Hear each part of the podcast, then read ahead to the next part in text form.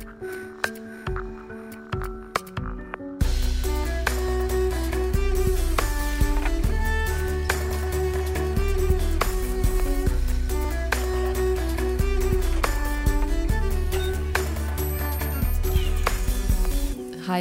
og velkommen til en ny episode av Nerve. Meg. Jeg heter Tone Sabro. Og i dag er jeg skikkelig Skikkelig utafor alle rutiner og regler, holdt jeg på å si.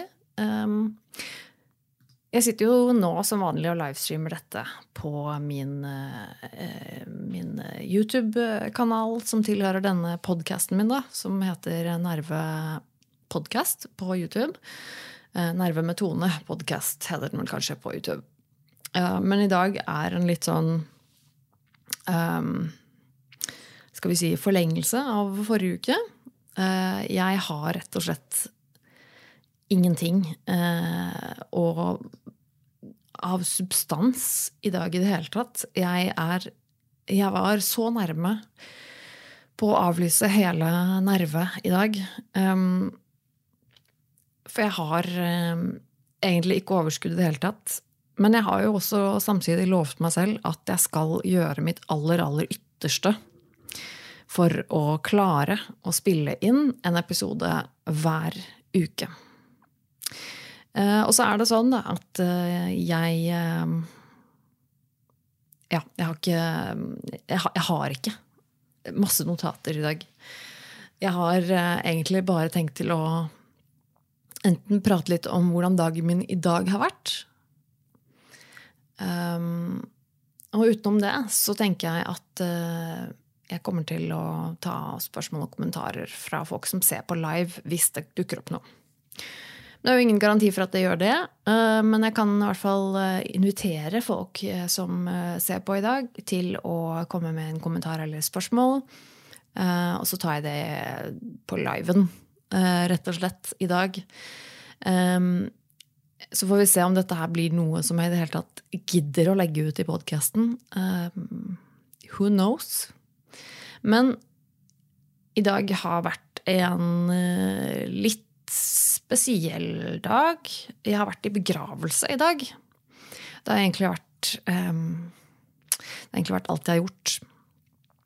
Um, jeg um, har jo visst om dette en liten stund, men det å det å gå i begravelse det er liksom aldri hyggelig. Jeg føler at det kan man liksom ikke ja, Det er litt begrensa hvor mye man kan eh, forberede seg på det.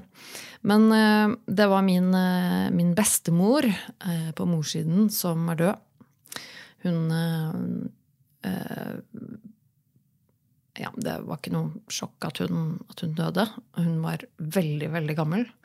Og egentlig var det veldig fint at hun fikk lov til å dø. Det høres kanskje kontroversielt ut for noen.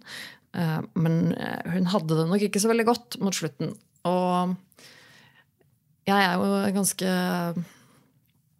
Jeg er jo ganske ja, hva skal jeg si, rett fram når det gjelder akkurat de tingene der når det gjelder livet og døden og, og de tingene der. Jeg tenker at eh, livet skal man leve når, når det er verdt det. eh, og når man blir eh, kjempegammel og ikke har kjempemye helse, og kanskje er litt småsyk, kanskje alvorlig syk, da skjønner jeg veldig godt at eh, det ikke frister så veldig mye å leve videre. Og så syns jeg det er litt trist at vi ikke At vi ikke gjør noe for å hjelpe folk å dø. Det er Jeg skjønner at det ikke er ukomplisert, men, men jeg har jo lenge vært for eh, at vi burde hatt aktiv dødshjelp i Norge.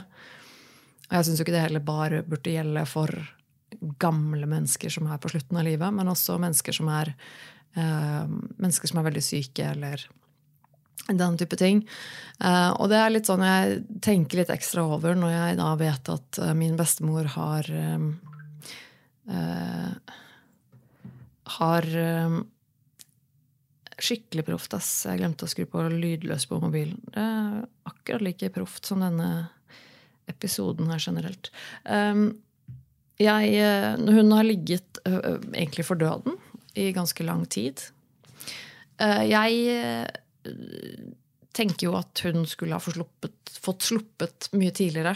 Eh, Hun var eh, kreftsyk, som jo veldig mange blir når de blir veldig gammel. Hun er over 90 år. Um, og når du begynner å gå opp i 90-åra, så, så er det jo vanlig at kroppen eh, går, går på overskudd, og på et eller annet tidspunkt så får man kreft og dør. Det er liksom, Om ikke det er noe annet som dreper deg før det, så på et eller annet tidspunkt så får vi alle kreft og dør. Um, og skal Det er alltid litt sånn tricky, det her, altså, med, med familie og, og sånn. uh, og hvor mye detaljer skal man gå inn i? Det er jo ingen i min familie som har uh, bedt om å få være med på denne podkasten. Og det er også litt av grunnen til at jeg stadig uh, begrenser mye av detaljer rundt min egen familie. Um, men hun fikk kreft og har vært dårlig, i hvert fall det siste året. Hatt noen, noen, år hvor hun har vært ganske ensom. Mistet mannen sin for ti år siden, osv. Det, det er generelt ass, høres helt jævlig ut, spør du meg. Å bli gammel og bare miste alle rundt deg. Og være alene og bare vite at ok, du besitter bare og venter på at det er din tur. liksom. Det, nei. Men uansett, så hun har jo vært stort sett veldig oppegående og frisk. Men helt sånn på slutten så ble hun jo veldig syk. Og havnet i en situasjon hvor hun ikke lenger kunne ta til seg næring. Um, og fikk intravenøs næring.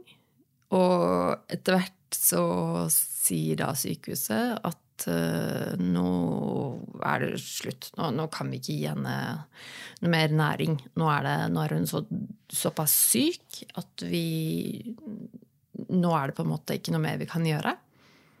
Nå tar vi henne av næring, og så kommer hun til å dø. Uh, og det um, jeg husker jeg, jeg, jeg snakket med, litt, med liksom familien da, da, da denne beskjeden kom, og vi fikk jo på en måte litt oppdateringer underveis. Um, og fikk vite dette. Og, um, og, jeg, og, vi snakket litt om at vi håpet jo på en måte at hun fikk slippe snart. Nå, nå, fikk hun jo mye smertestillende, og sånne ting, så hun hadde ikke smerter. eller skulle få slippe det da, Men hun har blitt litt, litt surrete i hodet og, og, ønsket egentlig selv å dø. Uh, og vi håpet jo selvfølgelig at det ville skje snart, sånn på, for hennes skyld. At hun skulle få slippe snart. Sitter jeg og tenker da, i mitt, uh, mitt stille sinn. Uh, mennesker er eh, Det er jo som regel altså, Hvis du tenker på hva vi trenger for å holde oss i live, så er det jo mat og drikke. Um, og ja, vi kan jo si tommelfingerregel at man kan holde seg i live ca. tre dager uten vann og tre uker uten mat. Og jeg tenkte ok um, Ja, potensielt så kan hun jo da ligge der i tre uker. Nei, men altså bare sånn Nei, hun gjør jo ikke det, på en måte. Altså, hun Hun er jo syk og gammel, og hvor lenge skal kroppen holde, på en måte. Men uh, hun holdt fader ullan meg, jeg tror det var to uker, uh, hvor hun uh, basically bare lå der og ventet på å få lov til å dø. Um, heldigvis så hadde hun jo mange familiemedlemmer som kom og tok vare på henne og besøkte henne, og hun fikk være på et veldig fint sted. Ehm, på slutten av livet, hvor folk tok vare på henne, er generelt sett uh, veldig fint sånn sett. Men det å leve på eplejus, liksom, i to uker, eller hva det var um, Jesus Christ. Uh, før hun endelig, da for en uke siden nå, fikk, uh, fikk slippe livet. Jeg, jeg, jeg, klarer ikke å Jeg klarer ikke å engang forestille meg at uh, at, jeg, jeg, kan liksom ikke skjønne at det er, at det er greit. Uh, ja, hun fikk smertestillende og sånn. Og fikk på en måte folk på besøk altså, Men det er sånn Der skulle hun bare ligge. Vi bare sitter basically og, Eller nei, egentlig faktisk bokstavelig talt. Vi sitter bare rundt og venter på at hun skal dø. Hun bare ligger i en seng. Hun kan ikke gjøre noe annet enn å ligge i den senga og bare vente på å dø. Og så er det ingen som vet om det tar eh, to dager eller to uker. Og jeg syns, eh, om ikke det livet på en måte generelt, når man blir så gammel og begynner å bli litt skrøpelig, har ingen ektefelle igjen, har ingen venner igjen, eh, har kanskje noen familie, men begynner å bli litt surrete altså sånn, Det livet der høres så ufattelig trist ut for meg. Men siste, den siste biten der er bare sånn Jeg vil ikke unne noen det. Hvorfor, hvorfor, gjør, vi, hvorfor gjør, vi, det? Um, hadde det vært uh, hunden min eller katten min eller uh, en eller annen altså det er sånn, Kjæledyra våre de får slippe når de blir syke.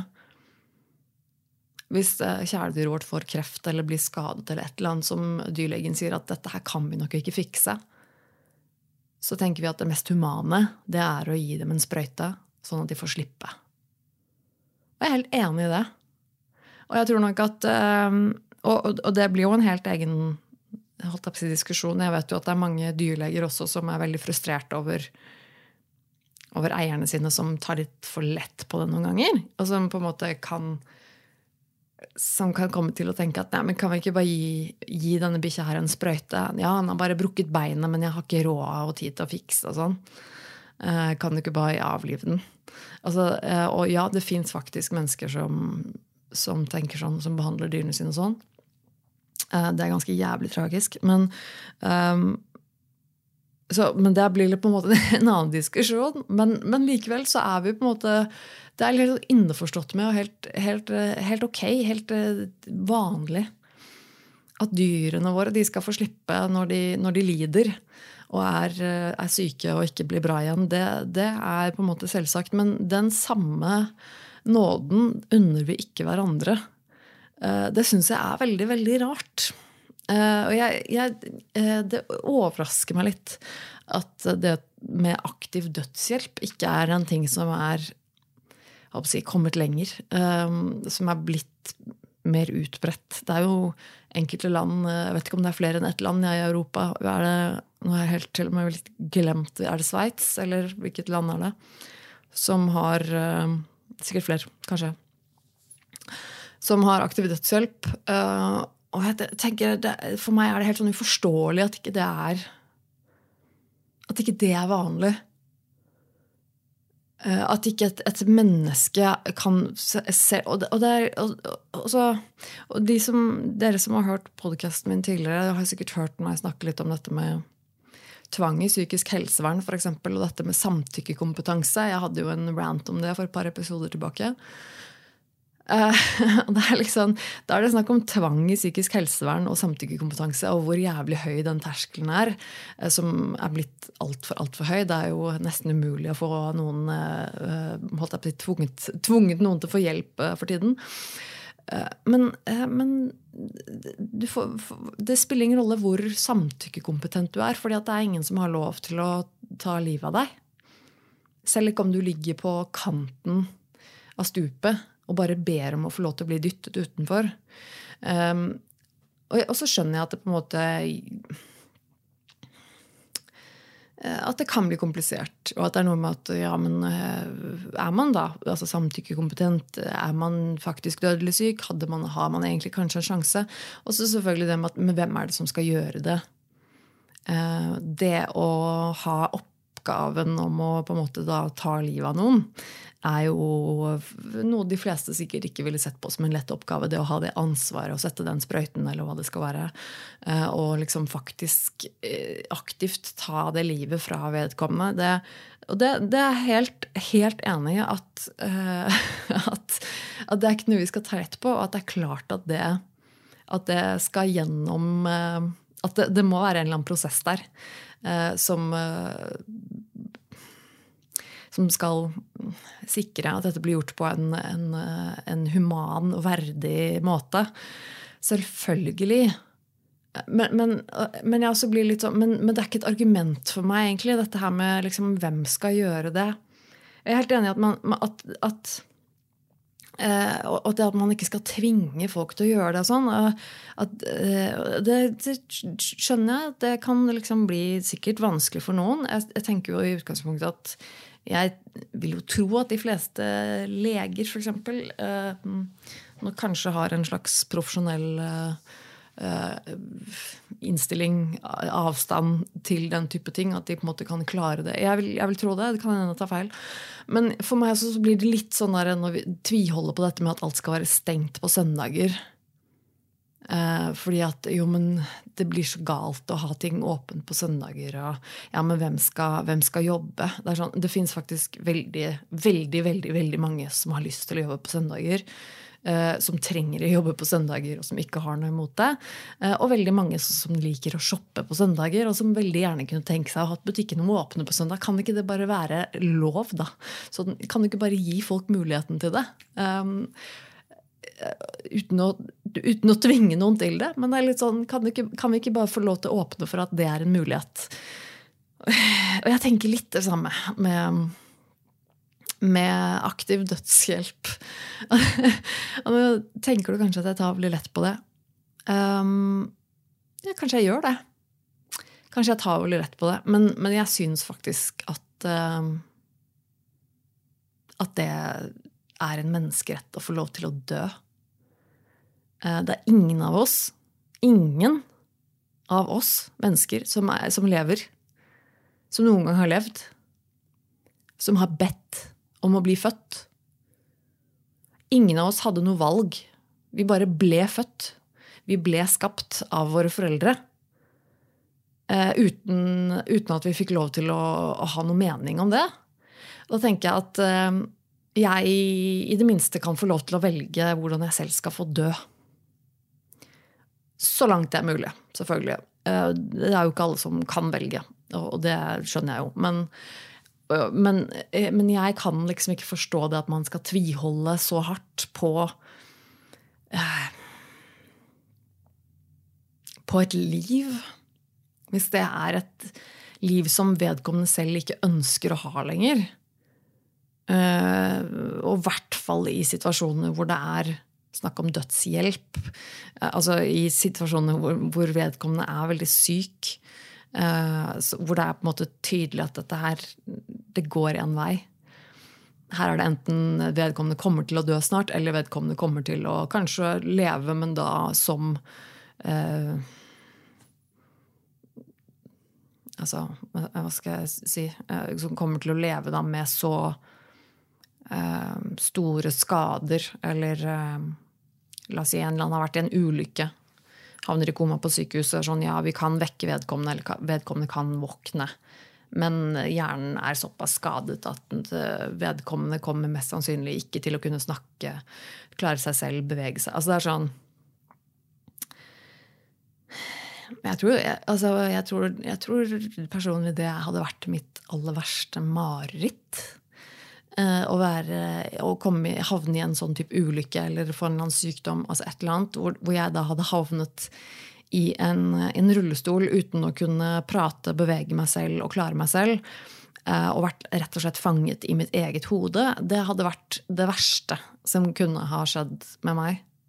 Um, jeg, jeg, tror faktisk ikke jeg kommer på noe som høres verre ut enn det. Og jeg tenker mye av det samme også når det gjelder på en måte Ja. det å være langt over 90, kjempegammel, syk, kan ikke bli bedre, venter bare på å dø. Nå ligger jeg her i noen uker til jeg bare dør. Fordi det er ingen som kan gjøre noe med det. jeg syns det er ganske inhumant. Og jeg kan, jeg kan ikke forstå hvorfor det er det riktige å gjøre. Ja, nei, jeg, jeg det, det, hmm. Det, det er jo Jeg har tenkt en del på det i det siste. Jeg, eh, jeg ble jo lettet da jeg fikk høre at, eh, at min bestemor hadde nå endelig gått bort. For jeg visste at hun ønsket det. Hun hadde det ikke godt. Hun lå bare i en seng og ventet på å få dø. Uh, og, og, det syns jeg høres helt for jævlig ut. Um, så ja, jeg var i begravelse i dag. Um, det um, Det hadde nok vært uh, Litt sånn typisk meg, da. Jeg, uh, jeg syns jo ikke det, dette med denne døden var så trist nødvendigvis. Og det er også fordi jeg uh, Ikke bare fordi jeg visste at, vet at hun har vært veldig syk og ønsket å få slippe nå, men også fordi jeg har ikke noe sånn veldig nært forhold til familien min. Um, jeg må innrømme at uh, det jeg tenkte mest på før begravelsen i dag, var at uh, det kom til å bli vanskelig for meg å være sammen med folk.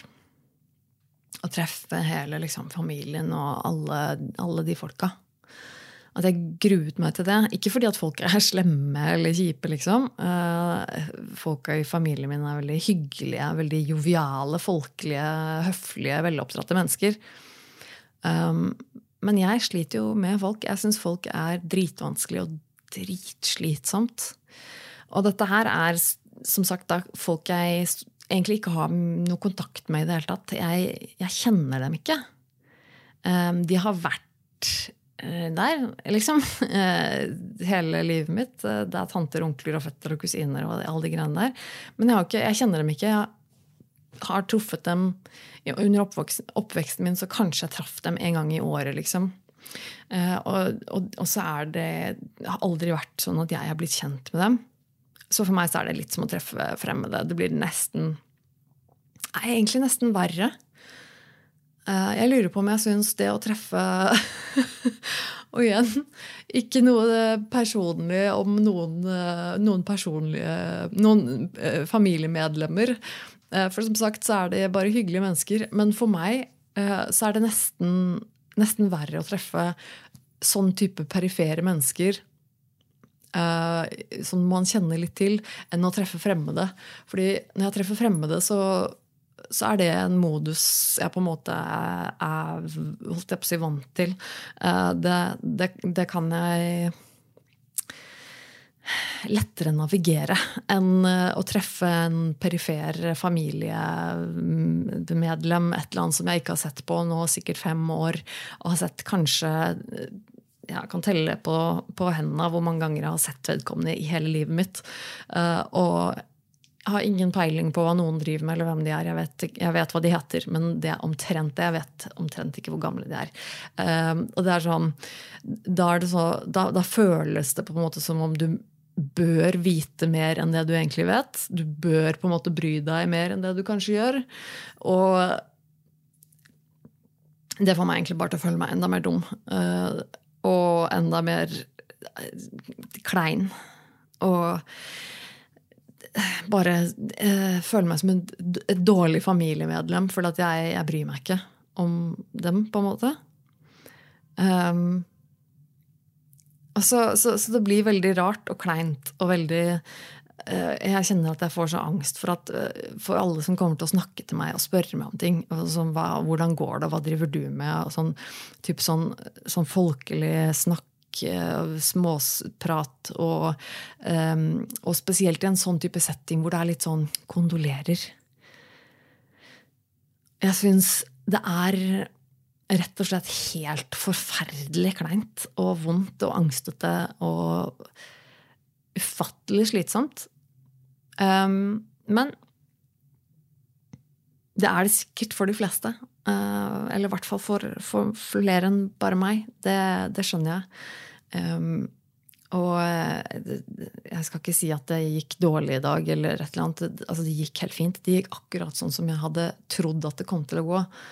Og um, det som var litt, litt, kjipt for meg, var at eh, det, det er noen, noen, jeg hadde håpet at skulle komme, som ikke kunne komme likevel. Så jeg ble jo litt sånn nei da blir det jo bare meg. Eh, og Gunnar, min samboer, kunne ikke være med i dag. Eh, som også gjorde at jeg ble enda litt mer sånn Da har jeg liksom ingen å støtte meg på. Jeg må liksom, jeg må liksom være der alene. Jeg må liksom klare meg hele tiden.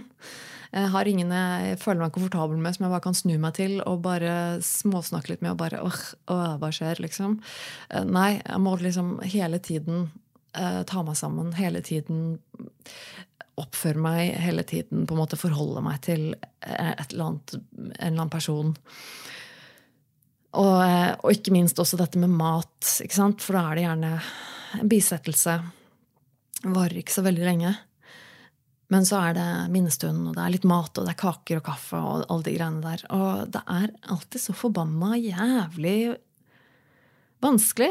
Og, og, det er alltid I sånne type settinger så skal folk gjerne legge seg opp i at du spiser eller at du ikke spiser. Uh, sånne type ting. Um, noe som gjør meg like irritert og forbanna hver dag. Eh, hver gang. Jeg skulle gjerne ønske at eh, jeg kunne få lov til å sitte i den settingen, ikke spise, uten at jeg blir kommentert. Men det jeg, jeg, jeg kan på en måte ikke helt forstå det. Sånn, vi sitter ved et bord. Vi er mange mennesker her. Maten står på bordet. Rett foran trynet på alle sammen. Det er bare å forsyne seg. Folk sitter og spiser. Uh, og så er det det vanlige spørsmålet Skal ikke du spise noe, du da, Tone? Skal ikke du ha noe mat, uh, Tone?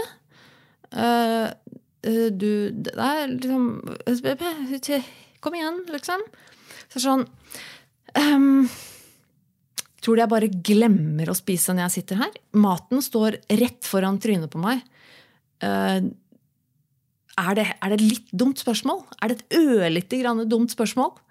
For hvis jeg hadde hatt lyst på mat, eller tenkt å spise, så hadde jeg vel gjort det. Der maten er 30 cm unna meg. Eh, alle rundt meg sitter og spiser. Hadde jeg hatt lyst til å spise, så hadde jeg vel gjort det. Hvorfor skal dette være et spørsmål? Hvorfor er det eh, spisepress? Hvorfor kan ikke jeg få sitte her med min tomme tallerken uten at det skal kommenteres? Eh, det irriterer meg. Men, men greit. Jeg er vant til det. Jeg overlever det. Jeg bare syns det er så unødvendig. Jeg fikk kaffe, da. Det fikk jeg. Jeg fikk, eh, fikk, så mye kaffe jeg bare ville, og hun var veldig skjønn, hun som jobbet der. Eh, fra begravelsesbyrået, tror jeg det var. De menneskene som, som styra med Nei, ikke begravelsesbyrå, med cateringfirma. De som styra med maten der og sånn. Hun var veldig skjønn, hun som kom med kaffekannen. For hun skjønte fort at jeg var glad i kaffe, så hun bare kom og fylte opp koppen min jevnlig. Um, og jeg syns, det, jeg syns det, var, det, var, skjønt, rett og slett. Så jeg fikk jo i det minste uh, ha kaffekoppen min da, i, i, fred. Den fikk jeg kose meg med. Um, men nei. Um, nei. Mye, mye jeg kunne klart meg uten, um, kjenner jeg, i en sånn type setting. Uh, men igjen, ja. Jeg, I don't know. Det, tenker ikke alle det. Jeg, apropos kaffe. Jeg hadde glemt kaffen min her nå. Den er nesten uh, Nesten begynt å bli kald. Nei da. Den er fortsatt ugger. Det som er fint hvis du har ordentlig god kaffe, er at kaffen den er fortsatt god når den er lunka og kald også.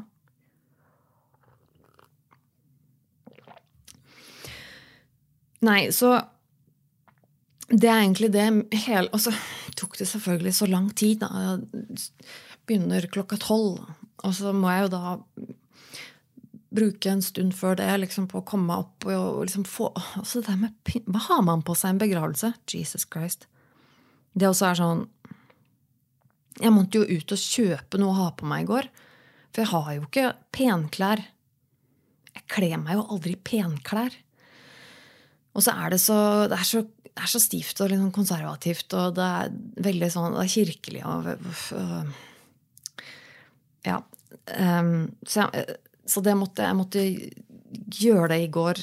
Ut og liksom shoppe noe for å ha på meg. Noe som jeg egentlig ikke hadde verken lyst til eller råd til. Og um, plutselig så har liksom en hel uke hvor dette handler om bare én begravelse som varer i noen timer. Det er helt tåpelig. Men um, men da måtte jeg liksom stå opp og, og, få i gang dagen min. Spise frokost, alt det greiene der. Eh, kle på meg disse penklærne. Eh, og planlegge å liksom komme meg dit. Nå ble jeg hentet av mine foreldre, så det, det gikk greit. men da er det jo Og så sitter, vi dit, i kirken og sånn, og så er det liksom greiene der du må sitte igjennom. Og så er det den minnestunden-greiene, sånn og sånn, og så må du på en måte bare Så må du liksom bare sitte der til det er liksom greit å gå. Og så hadde de så veldig mye opplegg på den minnestund-greiene at det var liksom aldri greit å gå. Jeg kunne liksom ikke gå før det var ferdig. Uh, så jeg var jo ikke hjemme, jeg var ikke hjemme før i firetiden. Da klarte jeg endelig liksom å snike meg unna og gå til nærmeste T-banestasjon og komme meg hjem med T-banen. Så jeg var hjemme rundt halv fire-fire. Da plutselig har hele min dag gått på dette. En begravelse. Um, men altså, for all del um, Det var en fin begravelse. Mange som sa hyggelige ting. Uh, og igjen så gjør jeg meg opp mye tanker, for jeg, min, min, bestemor hadde, var veldig uh, glad i folk og hadde mange som var glad i henne. Uh, mange familie, barnebarn og, liksom alt mulig sånne ting. og hun er veldig, veldig aktiv i kirken og menigheten. og så det var jo mange folk fra menigheten der som kom i begravelsen og som ville si alle mulige fine ord, og det var ikke måte på. Det er jo kjempefint, uh, for all del. Um, og det syns jeg jo det mest interessante uh, Jeg har ikke vært i så mange begravelser. Men det jeg alltid syns er mest interessant i en begravelse, er gjerne den, den talen som blir holdt. eh, hvor gjerne da kanskje en av barna eller eh, forteller om livet til vedkommende. Hvor jeg da får høre, høre veldig kort fortalt hele livet til min bestemor. Eh, som er en person jeg ikke har hatt et spesielt nært forhold til. Eh, og egentlig ikke visste så mye om livet til. Og det syns jeg er litt interessant. Plutselig så får jeg vite liksom, eh, masse om liksom, oppveksten og hvor hun var født og hva hun dreiv med. Og liksom, og, ok, Det var jo litt interessant, for så vidt. Og så er det jo alltid selvfølgelig hyggelig å høre når folk eh, sier eh, varme, gode ting. Og, og hun, var så, hun var så varm og, og, kjærlig, omgjengelig og hadde så mye kjærlighet til folk og bla, bla, bla. alt det der? Og så sitter jeg og tenker jeg sånn Jeg lurer på hva folk kommer til å si i min begravelse. For det Jeg kunne ikke helt se for meg at eh, det de sa om min mormor, overhodet var noe de kunne sagt om meg. Um, liksom så omgjengelig og liksom sosial, var så glad i folk og hadde åpnet, åpnet hjemmet sitt og var så uh, behjelpelig. Og snakket om at hun alltid var så um, um, alltid liksom hadde, slapp folk inn hos seg. da, og Hvis det var noen som hadde det vanskelig, eller noen kunne alltid på en måte komme og være hos dem. og liksom veldig sånn, um, Hørtes ut som et veldig sånn varmt og raust menneske. Uh, egentlig uh, litt sånn ja, uh, ja, rett og slett et veldig godt varmt, raust, sosialt eh, menneske som hadde mye til overs for andre mennesker. Hjalp folk mye, likte å hjelpe folk. Og det er sånn, De er jo ingen av disse tingene. Jeg lurer på, jeg lurer på hva, folk, hva, folk, hva skal folk si i min begravelse? Først så har jeg jo ingen barn. Så er jo ingen, som, ingen av mine barn som kommer til å stå der og fortelle historien om mitt liv. Um, kan, ok, kanskje det er noen andre som gjør det. Ja, eh, hva, skal det være? Mm, ikke spesielt uh, sosial. Ikke noe glad i å liksom være rundt folk og drive og hjelpe folk. og uh, Ikke noe glad i å ha besøk. Driver ikke og drar folk som har det vanskelig, hjem til seg. i hvert fall. Driver ikke og, ja, Satt som regel hjemme. Hadde det jævlig kjipt. Prøvde selv å dø noen ganger uten å klare det. Hadde det vondt i sitt eget hode. Likte egentlig ikke det livet så veldig godt. Um, og, uh, ja, men klarte seg forholdsvis bra. Lagde noen videoer og YouTube og sånn. Og, uh, og, og podkast og sånn. Uh, ellers pyntet kroppen sin med veldig mye blekk. Det er litt sånn Ja. Rett og slett Det hadde rett og slett vært interessant for meg å bare er det ikke det vi alle skulle ønske vi kunne? Gå i vår egen begravelse og så høre hva folk sier? Um, ja, det, det, det, skulle jeg nesten gjort. Det hadde vært ganske interessant. Jeg vet at det er folk som er glad i meg. altså, for all del. Det er ikke sånn at jeg hadde sittet der og så hadde ingen kommet. Det tror jeg ikke. Men, men jeg, jeg, ser jo virkelig ikke på meg selv som et sånt menneske som det da min bestemor var. Et sånt menneske som folk er lei seg for å miste på en måte, Ok, det hørtes, det hørtes veldig trist ut, da. Men sånn ja, men et, et, menneske som på en måte um, ja, som, som, folk syns det er liksom leit at blir borte. Som på en måte har betydd veldig mye for, uh, for liksom denne menigheten, da, for eksempel. Det, dette, dette communityet med mennesker. Uh, og hun har vært med og hjulpet til med så mye og bidratt med så mye. Som var sånn Jesus, jeg har virkelig ikke bidratt med noen ting. Eller det er feil å si. Jeg har bidratt med noe. Men jeg er oppriktig um, nysgjerrig på Hvis jeg hadde dødd nå uh, Veldig nysgjerrig på hva folk hadde sagt om meg i den begravelsen. Og det sier jeg med et smil om munnen og tenker at uh, herregud, folk må jo ha Folk må jo Folk må jo da i så fall liksom grave. Ok, hva, hva er det vi kan si om Tone, egentlig? Hva skal vi si om Tone? nei da. Uh, nei da. Men, men uh, jeg syns Ja, det er en, det er en uh, det er en artig tanke.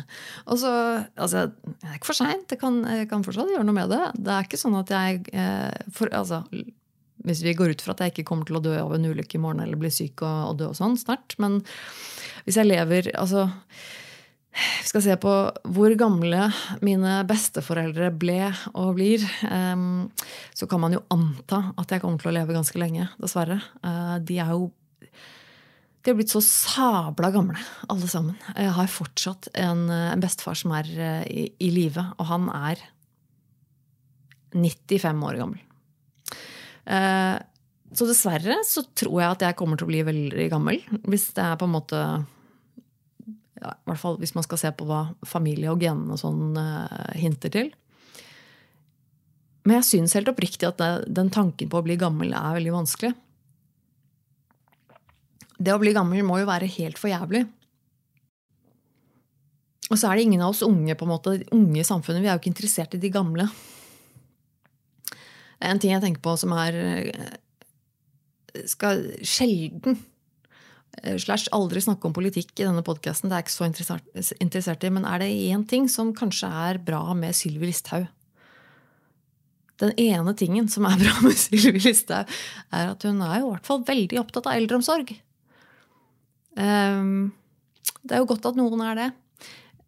Men, men helt, helt, ærlig, jeg, jeg gruer meg jeg gruer meg skikkelig til å bli gammel. Um, jeg tror at jeg kommer til å bli gammel hvis jeg bare får på en måte leve et naturlig liv til jeg, til jeg segner om. Så kan jo alt tyde på at jeg kommer til å leve i mange, mange år. Og jeg har ingen barn. Og um, jeg må jo si at det er noe jeg tenker på. Jeg har en bonusdatter som jeg er veldig glad i. Som jeg kan, jeg kan selvfølgelig håpe at, eh, at, hun på en måte forblir min bonusdatter resten av mitt liv. Sånn at når hun kanskje da en gang gifter seg og får barn, så blir det på en måte mine slags barnebarn. Det kan jo hende. Og det kan man jo alltid håpe på.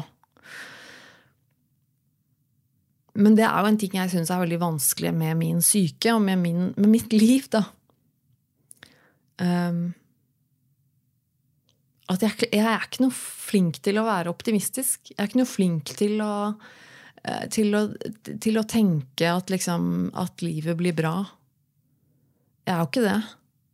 Jeg, så mye greier som jeg har slitt med med psyken min og meg selv liksom, opp gjennom egentlig hele livet mitt, nå er jeg 34 år gammel. Og jeg Det de fleste på en måte andre har eh, har på dette sted, stadiet av livet, eh, i hvert fall sånn noenlunde på plass, føler jeg at jeg ikke har i det hele tatt. Det der med jobb og utdanning og karriere og sånn, det er jo helt på hylla for min del. Jeg klarer jo ikke å ha en jobb engang.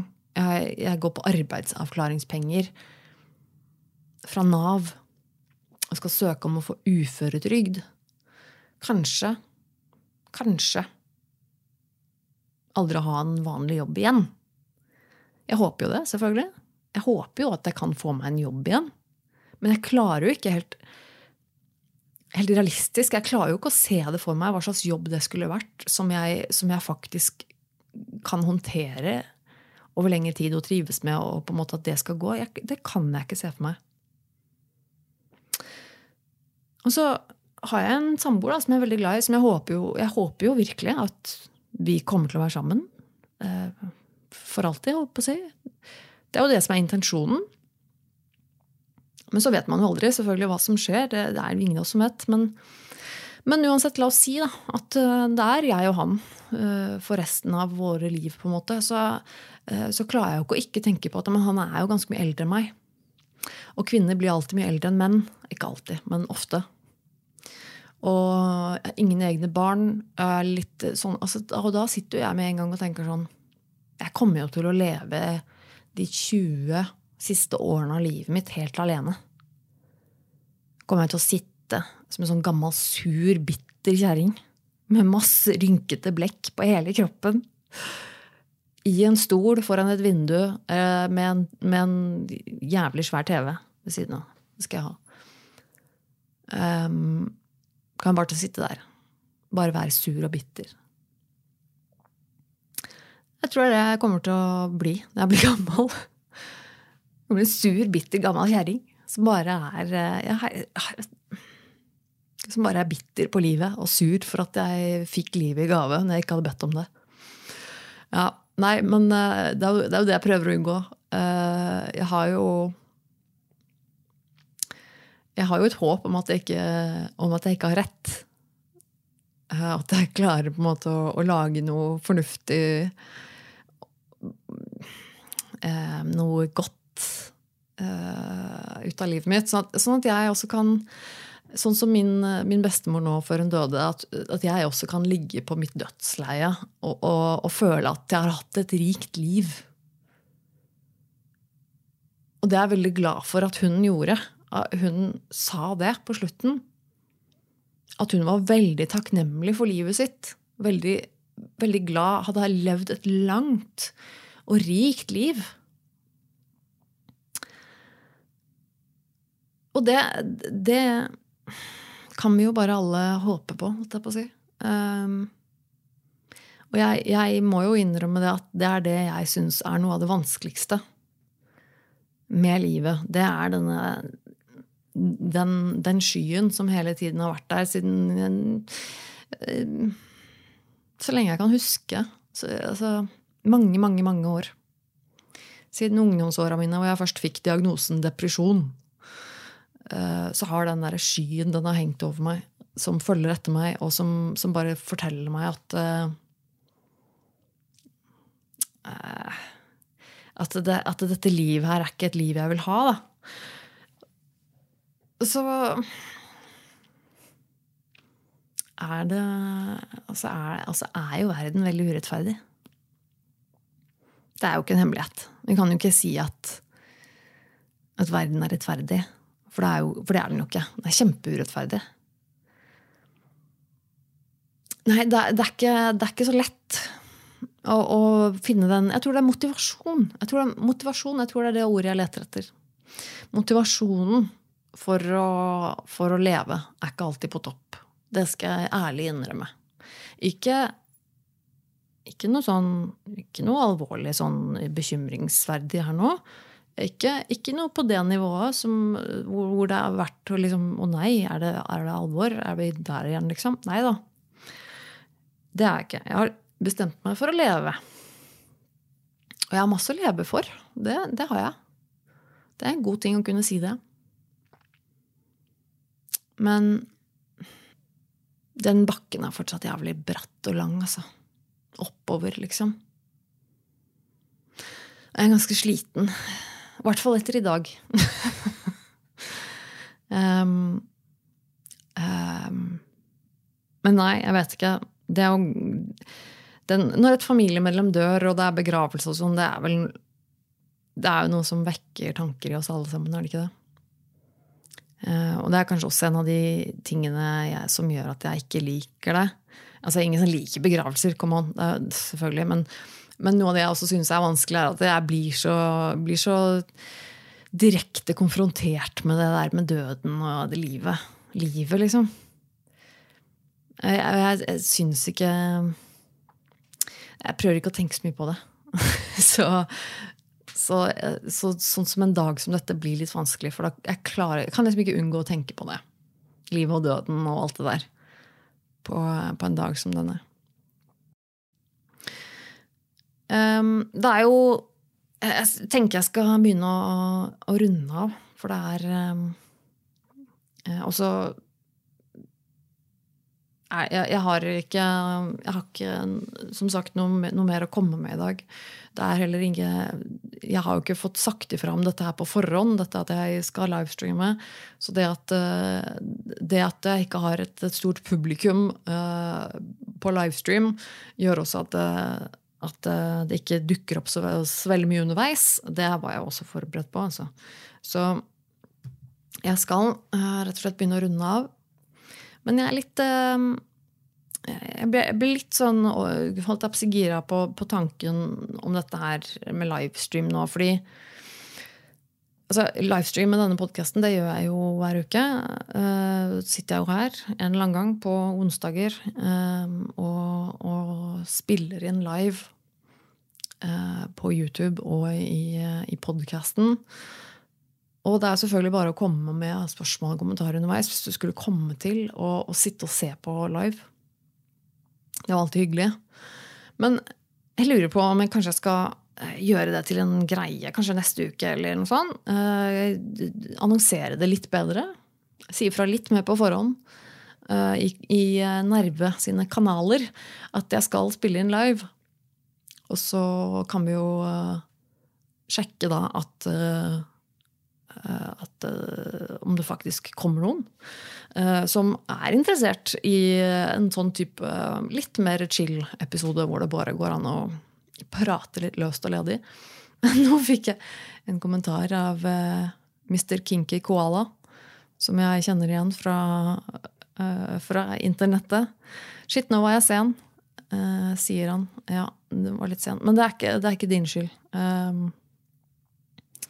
Det, var, eh, det er jeg som ikke er flink til å, til å reklamere for dette.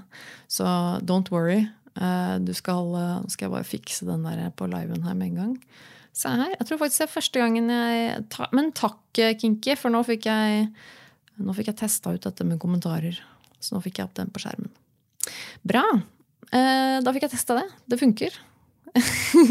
da vet jeg altså at, eh, at eh, det funker. Livestreamen. Det faktisk går an, å, går an å få det med seg. Nei, nå har jeg, ja, jeg har faktisk klart å se på dette her. Jeg har faktisk klart å sitte her og snakke i nesten 50 minutter. Og jeg som ikke hadde noe å komme med. Det er jo det vanlige. Det er som regel sånn der. Jeg har ingenting å si. Og så 50 minutter senere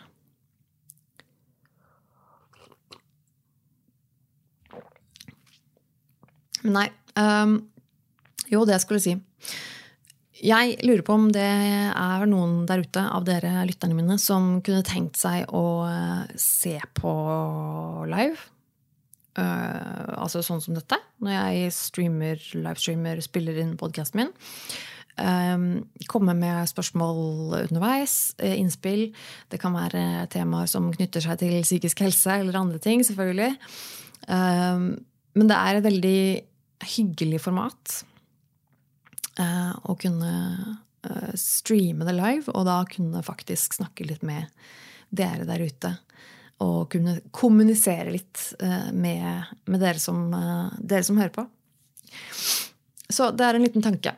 Kanskje jeg, eh, kanskje jeg skal gjøre det neste gang. Si fra litt før. Invitere folk inn eh, til å, eh, til å være med på live. eh, livesending, og så eh, Kanskje det blir noen spørsmål og noen svar fra meg. Ja. Men jeg runder av, eh, folkens. Eh, da ble det en slags episode i dag også. Tenke seg til. Men ja. Neste onsdag, da er jeg nok tilbake. Jeg satser på det. Og så um, vil jeg takke til eh, dere som så på live i dag. Og så takke til alle som hører på dette her i opptak etterpå. Uh, hvis du ikke fikk med dette her live, så er ikke det noe krise hvis du likevel uh, har lyst til å se på. For du kan gå inn på YouTube uh, og søke på Nerve med Tone podkast. Og så kan du se episodene mine der. som Altså podkast-episodene mine. De ligger jo der ute, de, på nettet. og hvis du er litt, en av de som har lyst til å se dem på YouTube, ikke bare høre på som en podkast, så vær så god. Helt gratis fra meg til deg. Uh, nei, men uh, igjen også minne folk på at jeg veldig, veldig, gjerne tar imot tilbakemeldinger. Og jeg må bare si takk, uh, takk for tilbakemeldinger etter, etter forrige episode. forrige uke så lagde jeg en episode som het En sånn dag. Og rett og slett bare snakket om hvor kjipt jeg har det for tiden. Og jeg håper jo ikke at det det verste, det verste jeg vet, og så er jo at jeg skal bli sånn charity case, og folk bare syns synd på meg og skal, skal, sende meg en melding og si sånn Ja, du, det går bra, altså. Det ordner seg. Eh, det er ikke derfor jeg gjør det.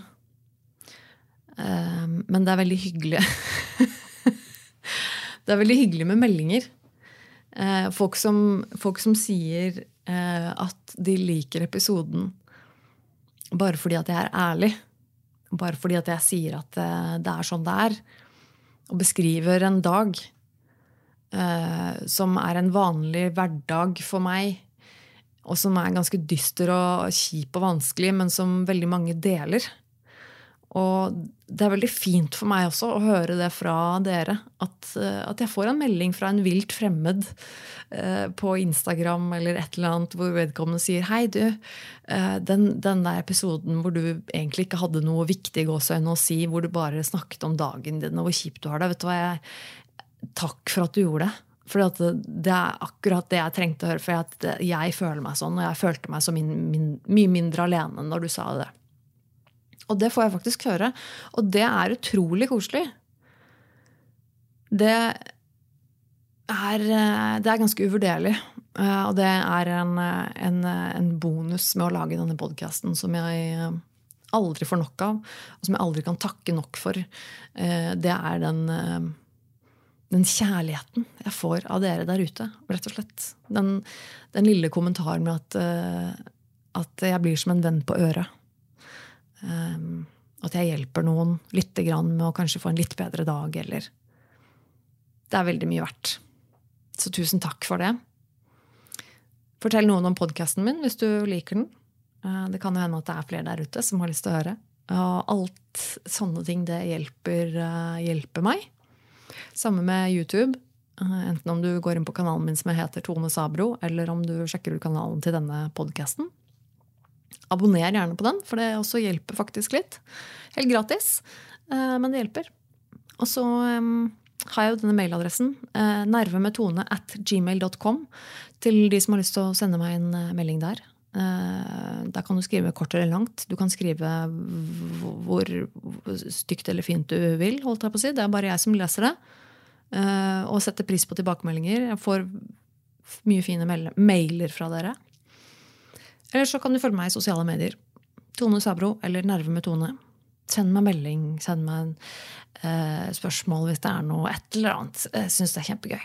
Så ja, men nå er jeg ferdig. Nå er jeg så ferdig, folkens. Eh, nå, jeg, eh, nå kommer jeg sikkert til å kollapse eh, på sofaen og sove resten av kvelden før jeg går og legger meg i senga for å sove resten av natten. Eh, nei da. Men, eh, men igjen, takk, folkens. Jeg setter stor pris på dere. Det må dere vite. Ehm, så sier jeg ha det. Og vi høres igjen om en uke.